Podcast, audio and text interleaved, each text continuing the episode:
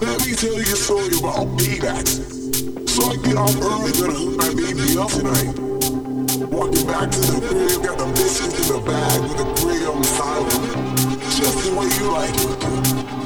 Walk through the door and find that you're not around here. The bed all laid out, freaking some prostitute two dollar holding mommy pretties.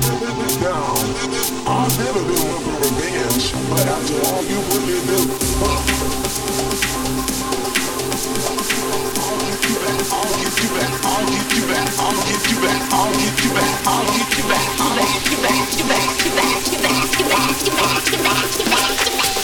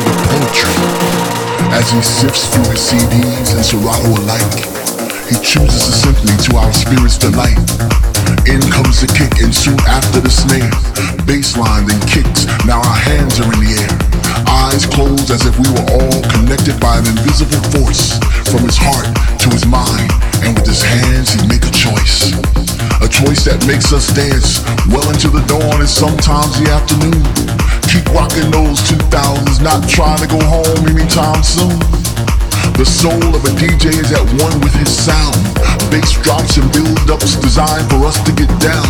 His aura shines bright like a strobe flickering off the wall. An average man maybe, but in here he's 10 feet tall. Now I'm not just talking mess because I'm a DJ too. These might just be my last words. I just I just wanted to share them with you to make you understand what we DJs go through. Up all night, practicing that mix, making sure we come correct so that you can get your fix. yeah, some of us are assholes, not saying any names. It's those ones who don't appreciate the history of the game. So for all you up and coming DJs, don't get discouraged, stay the course. Just keep on playing funky music, and soon you'll have a voice. The soul